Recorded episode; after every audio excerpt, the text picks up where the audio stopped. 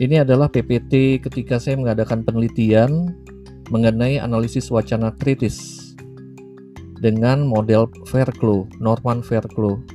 Uh, PPT-nya udah kelihatan ya, teman-teman semua? Halo? Iya, Pak. Iya, Pak. Udah ya? Kelihatan Baik, kok, Pak. eh, udah Pak, kelihatan Pak. Iya, jadi eh, mudah-mudahan teman-teman tadi udah sempat membaca juga. eh minggu yang sebelumnya kan kita bicara masalah teori persepsi ya di materi kalian sudah ada. Silahkan ya kalau ada yang mau tanya lagi, mau balik lagi ke belakang, is okay. Kemudian yang minggu ini saya masuk lebih mendalam lagi kalau persepsi itu kan masih di ranah paradigmanya konstruktivis, interpretif. Kalau yang ini eh, saya sekarang hari ini mencoba untuk memaparkan materi mengenai analisis wacana kritis dan eh, analisis wacana kritis, kajian analisis wacana kritis ada pada paradigma kritis. Eh, kalau teman-teman sudah pernah dapat MPK, metodologi penelitian, harusnya sih udah tahu ya yang disebut dengan paradigma. Jadi ada pengelompokan-pengelompokan dan eh, dimulai dari yang positivis, post-positivis, kemudian konstruktif, lalu semakin ke kanan itu ke kritis gitu paradigmanya. Nah, yang sekarang ini ada di masih di kualitatif. Kalau yang awal-awal kan kita bicara kuantitatif udah selesai sebelum UTS. Kalau yang sekarang kita bicara di kualitatif. Sengaja memang saya nggak terlalu banyak mau masuk ke eh, teori-teori media, eh, kajian media yang sifatnya eh, terlalu sering digunakan oleh mahasiswa dalam skripsi seperti framing atau semiotika gitu ya atau resepsi itu udah banyak banget. Tapi saya coba untuk masuk ke teori-teori media kajian media yang dia lebih eh, jarang digunakan oleh mahasiswa S1 mudah-mudahan ini akan menarik minat kalian juga karena universitas ya biasanya kita di prodi capek kalau misalnya dapat skripsi yang dibikinnya itu lagi itu lagi. Semiotika lagi semiotika lagi. Framing lagi framing lagi. Persepsi lagi persepsi lagi. Resepsi lagi udah kayak gitu ya. Jadi agak itu juga berulang terus gitu. Eh, saya mencoba menawarkan alternatif yaitu kalian misalnya melakukan sebuah penelitian terkait dengan eh, kajian analisis wacana kritis karena penelitian ini agak eh, penelitian ini menarik sebetulnya dan jarang digunakan untuk di mahasiswa S1. Oke. Eh, ini adalah sebuah contoh penelitian saya. Kalian nanti kalau mau baca lebih lanjut bisa dibaca di bukunya Erianto. Analisis wacana kritis karangannya Erianto itu paling mudah sekali Kemudian nanti bisa juga membeli buku karangannya Haryat Moko kalau kalian berminat untuk nanti membuat sebuah penelitian skripsi terkait dengan analisis wacana kritis. Oke, penelitian saya adalah membongkar wacana pemberitaan media atas isu inte- disintegrasi Spanyol.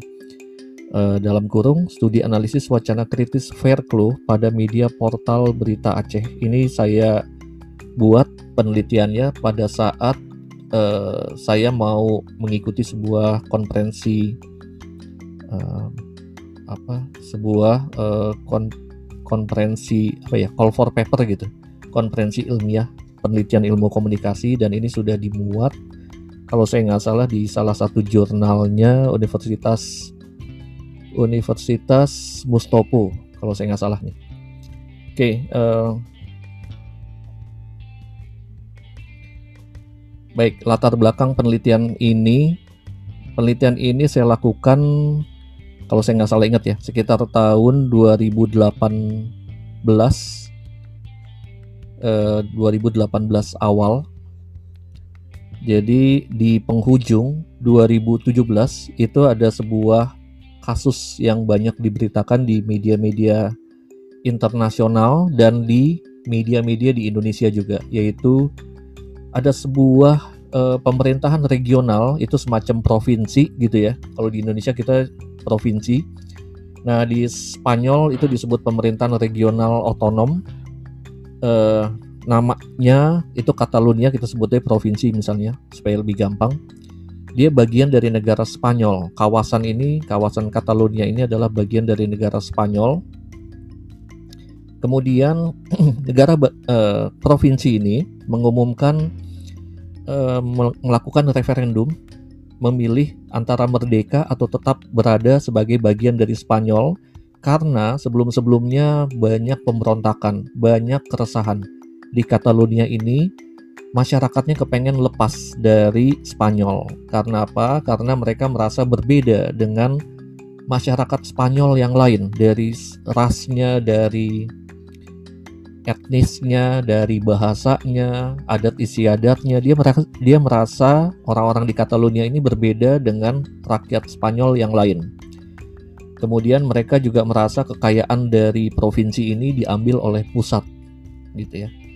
Jadi mirip seperti di Indonesia pada dulu ya, pada Aceh, kemudian pada Papua juga. Lalu eh, otoritas di sana bikinlah referendum walaupun tidak disetujui oleh pemerintah pusat. Hasil dari referendum, referendumnya memilih antara warga pengen masyarakat pengen merdeka atau tetap bersama Spanyol. Jadi mirip seperti tim-tim dulu ya, Timur Timur dulu. Nah, kemudian hmm, hasilnya itu 90% memberikan suara memilih untuk merdeka dari Spanyol. Nah, si pemimpin Catalonia, kita sebutnya kalau orangnya tuh eh, etnisnya adalah Katalan. Catalonia itu daerahnya, Katalan itu kan uh, etnisnya. Nah, pemimpinnya namanya Charles Puigdemont mengumumkan Catalonia telah mendapat hak untuk menjadi negara merdeka. Wah, itu e, beritanya kemudian besar banget gitu ya. Bahwa di Spanyol terjadi perpecahan, ada e, salah satu provinsinya yang pengen lepas. Jadi mirip banget seperti dulu di Timur Timur tahun 98 kalian belum lahir. Kemudian dengan kasus di Indonesia di Aceh, kemudian juga di Papua gitu. Kalau Aceh udah selesai ya, Nah, cuma uh, ada yang menarik nanti. Nanti saya akan cerita. Nah, pemerintah Spanyol, pemerintah pusatnya kan menolak referendum tersebut. Situasinya yang dialami oleh Catalonia ini mirip salah satu provinsi di Indonesia yang rakyatnya pernah menuntut pemisahan diri dari NKRI, yaitu Aceh, gitu ya. Uh, kenapa saya pakai yang kasusnya Aceh? Karena Aceh lebih deket uh, waktunya dibanding kalau saya merujuk kepada tim-tim Timor Timur karena itu kan udah selesai kasusnya kalau yang Timor Timur itu kasusnya adalah tim-tim pada akhirnya lepas menjadi sebuah negara sendiri. Cuma yang Aceh ini kan pada akhirnya tetap masih berada dalam NKRI. Nah ini ada kemiripan antara Aceh dengan Catalonia. Nah, perlawanan bersenjata rakyat Aceh yang sejak 1976 melalui organisasi Gerakan Aceh Merdeka itu berakhir tahun 2005. Setelah pihak pemerintah itu tanda tangan perjanjian Helsinki dengan pihak GAM. Pemberitaan media lokal Aceh pada saat memberitakan isu Catalonia tersebut tahun 2017 ternyata cenderung mendukung disintegrasi wilayah itu kalau saya lihat secara selintas gitu dari pemberitaan beberapa media di Aceh. Padahal Aceh kan udah selesai ya tahun 2005 dan dia tetap dalam pangkuan NKRI. Tetapi ternyata kalau medianya memberitakan mengenai kasus Catalonia kok agak beda sendiri dibanding dengan media-media lain di Indonesia. Tujuan penelitiannya bertujuan mencari wacana tersembunyi. Tahu ya, wacana uh, semacam uh, apa ya, pemikiran yang kemudian di diperdebatkan gitu. Jadi mencari wacana tersembunyi terkait isu pemisahan suatu wilayah terhadap negara melalui teks pemberitaan media online Aceh atas kasus referendum kemerdekaan wilayah Catalonia dari negara Spanyol. Ini tujuan dari penelitian tersebut. Kemudian uh, untuk teori yang saya gunakan sebagai metode analisis itu adalah analisis wacana kritis model Norman Fairclough. Jadi analisis wacana kritis itu banyak. Nah, um, saya menggunakan yang modelnya uh, Norman Fairclough dengan alasan-alasan tertentu karena saya anggap ini cocok untuk penelitian uh, tersebut. Uh, Norman Fairclough mengemukakan bahwa wacana merupakan praktik sosial dan kemudian dia membagi analisis wacana dalam tiga dimensi. Dimulai dari yang paling bawah itu adalah teks, penelitian mengenai teks. Kemudian yang kedua discourse practice dan yang ketiga adalah social practice. Jadi kalau diibaratkan seperti buah bawang, lapis yang paling dalam itu adalah teksnya. Teks itu maksudnya pemberitaannya, pemberitaan dari si media. Yang lapis kedua itu adalah discourse practice. Maksudnya adalah penelitian atas si pembuat berita dan orang yang mengkonsumsi berita tersebut. Kemudian, lapis yang ketiga adalah penelitian terhadap social practice. Maksudnya adalah lingkup yang melingkari gitu lingkup yang melingkari uh, uh, uh, sosial apa ya uh, isu tersebut jadi uh, situasinya si, situasi dari uh, permasalahan atau isu tersebut terjadi itu gimana gitu. Sampai kemudian diberitakan. Jadi lebih ke uh, konteks. Jadi yang disebut dengan social practice eh, gampangnya kita bisa terjemahkan sebagai konteks di mana isu tersebut muncul dan kemudian konteks masyarakat ya. Isu yang membuat isu tersebut muncul dan kemudian pemberitaan itu juga bisa muncul gitu. Jadi kalau bicara soal teks dia berhubungan dengan linguistiknya, struktur mikro, Discourse practice, discourse practice itu berhubungan dengan struktur meso ya. Kalau mikro maksudnya kan teksnya, teks beritanya gitu. Kemudian kalau discourse practice itu adalah struktur meso, maksudnya si pembuatnya dalam arti wartawannya dan juga eh, boleh ditambahkan juga dengan si audiensnya gitu. Tapi yang utama sebenarnya redak redaksinya. Kemudian kalau social practice itu yang seperti tadi saya sebut itu adalah struktur makro lebih kepada konteks kenapa bisa timbul gitu pemberitaan tersebut dan bagaimana dengan konteks uh, peristiwanya sendiri gitu. Nah, kalau struktur mikro kita biasanya nih kalau menggunakan model Fairclough yang uh, konvensional gitu ya. Konvensional maksudnya lazimnya gitu, yang biasa digunakan. Struktur mikro kita membedah dari struktur mi, struktur pemberitaannya. Kemudian kalau struktur meso, kita biasanya melakukan wawancara dengan redaksi ditambah gitu ya untuk pelengkap dengan uh, audiens para pembacanya misalnya. Kemudian kalau struktur makro biasanya kita bisa peroleh dari wawancara dan dari dokumen dokumen-dokumen untuk memperkuat gimana sih konteksnya gitu, konteks dari uh, peristiwa tersebut. Kalau ada yang bingung boleh dipotong ya. Nah, eh, kemudian ada satu metode yang terbaru yang dikeluarkan oleh Fairclough. Kalau tadi kan dia bertingkat kayak lapis bawang dari mulai teksnya dulu dibedah, kemudian yang kedua melakukan wawancara terhadap si pembuatnya, yaitu para pembuat teks itu adalah para wartawan kemudian dilengkapi dengan wawancara dengan audiensnya. Kemudian yang ketiga itu melihat konteks peristiwa, sebenarnya budayanya gimana, konteks peristiwa itu bisa terjadi gimana gitu ya.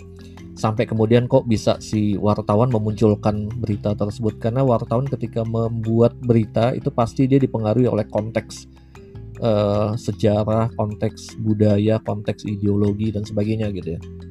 Nah, uh, ada ada satu model terbaru yang dibuat oleh Fairclough di Indonesia dipopulerkan oleh uh, Pak Haryat Moko, dosen dari Universitas uh, di Universitas Indonesia. Beliau ngajar di Universitas Indonesia juga.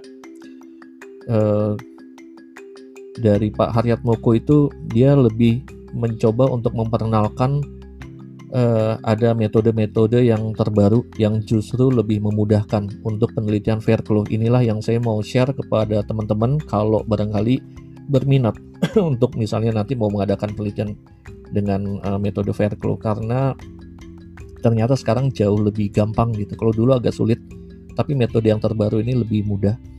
Jadi yang pertama yaitu memfokuskan pada satu ketidakberesan sosial dalam aspek semiotik, kemudian yang kedua mengidentifikasi hambatan-hambatan untuk menangani ketidakberesan. Yang ketiga mempertimbangkan apakah tatanan sosial itu butuh membutuhkan ketidakberesan sosial tersebut gitu ya. Yang keempat, mengidentifikasi cara-cara yang mungkin untuk mengatasi hambatan-hambatan itu. Jadi ada empat langkah pada metode Fairclough yang terbaru. Nah, metode penelitiannya ini memang di, berada di paradigma kritis.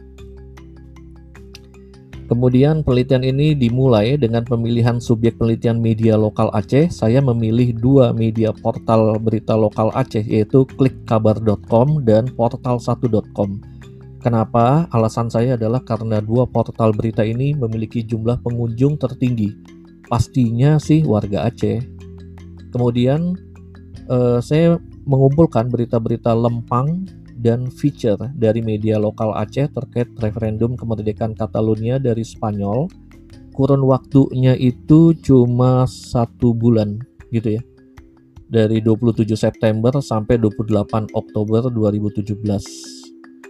Nah, kemudian dari klikkabar.com saya mengambil uh, tiga tulisan terkait isu tersebut. Kemudian dari portal 1 ada 5 tulisan, lalu dari 8 total kan 8 uh, eh, artikel uh, saya pilah lagi, saya seleksi lagi sampai kemudian masing-masing saya ambil satu tulisan. Dari klik kabar saya ambil satu tulisan, kemudian dari yang portal 1 saya ambil satu tulisan karena saya anggap sudah mewakili. Nah, jadi kayak begini uh, model ini saya ambil dari leadnya aja untuk yang klikkabar.com Parlemen Catalunya mengumumkan kemerdekaan dari Spanyol, koma, Jumat, koma, 27 Oktober 2017, titik pengumuman itu bertentangan dengan bla bla bla. Bisa dibaca sendiri. Kemudian uh, kalau kita memfokuskan pada ketidakberesan sosial, saya melihat pada saya mengidentifikasi pada alinea ke satu, gitu ya, bisa dibaca ya, di PPT-nya. Nah, analisisnya adalah ketidakberesannya yaitu ketidakberesan sosial, adanya keinginan rakyat Catalonia untuk merdeka dari kerajaan Spanyol. Nah, saya ingin uh, si jurnalis ingin menonjolkan peristiwa deklarasi kemerdekaan ter, kemerdekaan Catalonia. Jurnalisnya maksudnya jurnalis dari yang tadi ya, media ini port, uh, media klikkabar.com ini adalah uh, medianya lokal di Aceh. Nah, si wartawannya ketika dia dapat berita tersebut dari kantor berita asing itu oleh si wartawan klikkabar.com diubah lagi gitu. Jadi ada bagian yang ditonjolkan yaitu masalah uh, ketidakberesan sosialnya adalah keinginan rakyat Catalonia untuk merdeka. Itu kemudian uh, langkah yang kedua mengidentifikasi hambatan untuk menangani ketidakberesan itu. Jadi kalau tadi ada ada sebuah pengumuman yang ini, pengumuman kemerdekaan dari Spanyol yang bertentangan dengan pemerintah Spanyol. Nah, tapi kalau yang ini, yang langkah kedua eh, mengidentifikasi mengidentifikasi hambatannya. Hambatannya apa tuh? Atas pengumuman itu. Ternyata bisa ditemukan di alinea pertama pengumuman itu bertentangan dengan pemerintah Spanyol.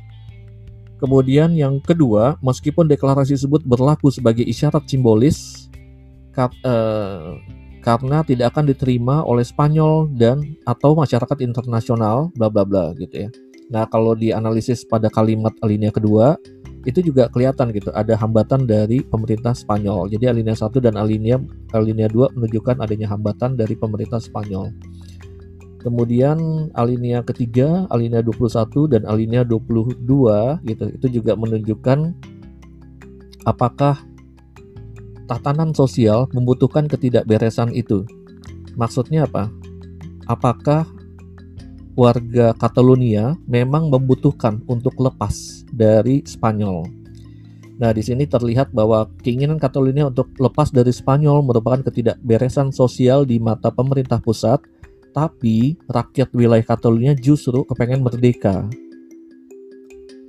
Uh, kemudian yang keempat, cara-cara yang mungkin untuk mengatasi hambatan itu apa sih? Nah, di sini ketemu, saya mengidentifikasi di alinea keempat dan kelima, uh, ternyata ada uh, upaya untuk mengatasi hambatan tersebut, yaitu pemerintah Catalunya ada alinea keempat dan kelima ya. Pemer, uh, antara lain bunyinya gini. Parlemen Catalunya juga mengatakan ingin membuka pembicaraan dengan Madrid untuk berkolaborasi dalam mendirikan republik baru tersebut. Jadi analisis ini analisis atas alinea 4 dan 5 menunjukkan gitu ya bahwa pihak parlemen Catalunya juga menawarkan perundingan damai untuk e, menentukan nasib wilayah tersebut gitu. Kemudian saya melakukan wawancara. Wawancaranya memang karena saya nggak bisa wawancara dengan redaksinya, eh, karena di sana mereka di Aceh, sementara saya lagi di Jakarta. Jadi saya akhirnya bisa ketemu kebetulan dengan wakil ketua PWI Aceh yang dia ngerti dengan proses penulisan di redaksinya gitu. Nah ini eh, eh, dari hasil wawancara dengan uh, pihak PWI Aceh Persatuan Wartawan Indonesia Aceh gitu ya. Bahwa uh, dibilang itu lebih karena masalah personal dari para jurnalis di media lokal Aceh terutama jurnalis muda Aceh yang sebetulnya mereka nggak suka Aceh masih bergabung dengan Indonesia masih dengan NKRI dan kemudian permasalahan kedua para jurnalis muda Aceh banyak yang tidak mendapat pelatihan jurnalistik bukan lulusan S1, bukan juga lulusan dari ilmu komunikasi, kebanyakan lulusan SMA. Nah, eh, saya juga wawancara dengan Heru Dwi Suryat Mojo, Ketua PWI Aceh bidang keagamaan. Itu juga menunjukkan eh, menyatakan hal yang sama. Masih ada ketidakpuasan di kalangan masyarakat Aceh, ex kombatan yang dia telah berjasa namun nasibnya ternyata tidak dipikirkan oleh pemerintahan baru Aceh yang di uh, yang ada pada saat itu yaitu uh, gubernurnya Zaini Abdullah. Jadi dilemparkanlah ke marahan tersebut kepada pemerintah pusat melalui gaya pemberitaan gitu ya. Jadi pemberitaan itu pada akhirnya dia mencerminkan sesuatu. Kita dengan menggunakan analisis wacana kritis, kita berupaya membongkar apa yang ada di balik sebuah tulisan gitu. Jadi kita cuma membaca bukan membaca apa adanya plok gitu yang ada di sebuah tulisan tapi kita dengan analisis wacana kritis kita menganalisis kenapa tulisan itu bisa terjadi. Gitu. Oke sampai di sini ada pertanyaan barangkali? Silahkan kita masih ada dua setengah menit. Ada yang mau tanya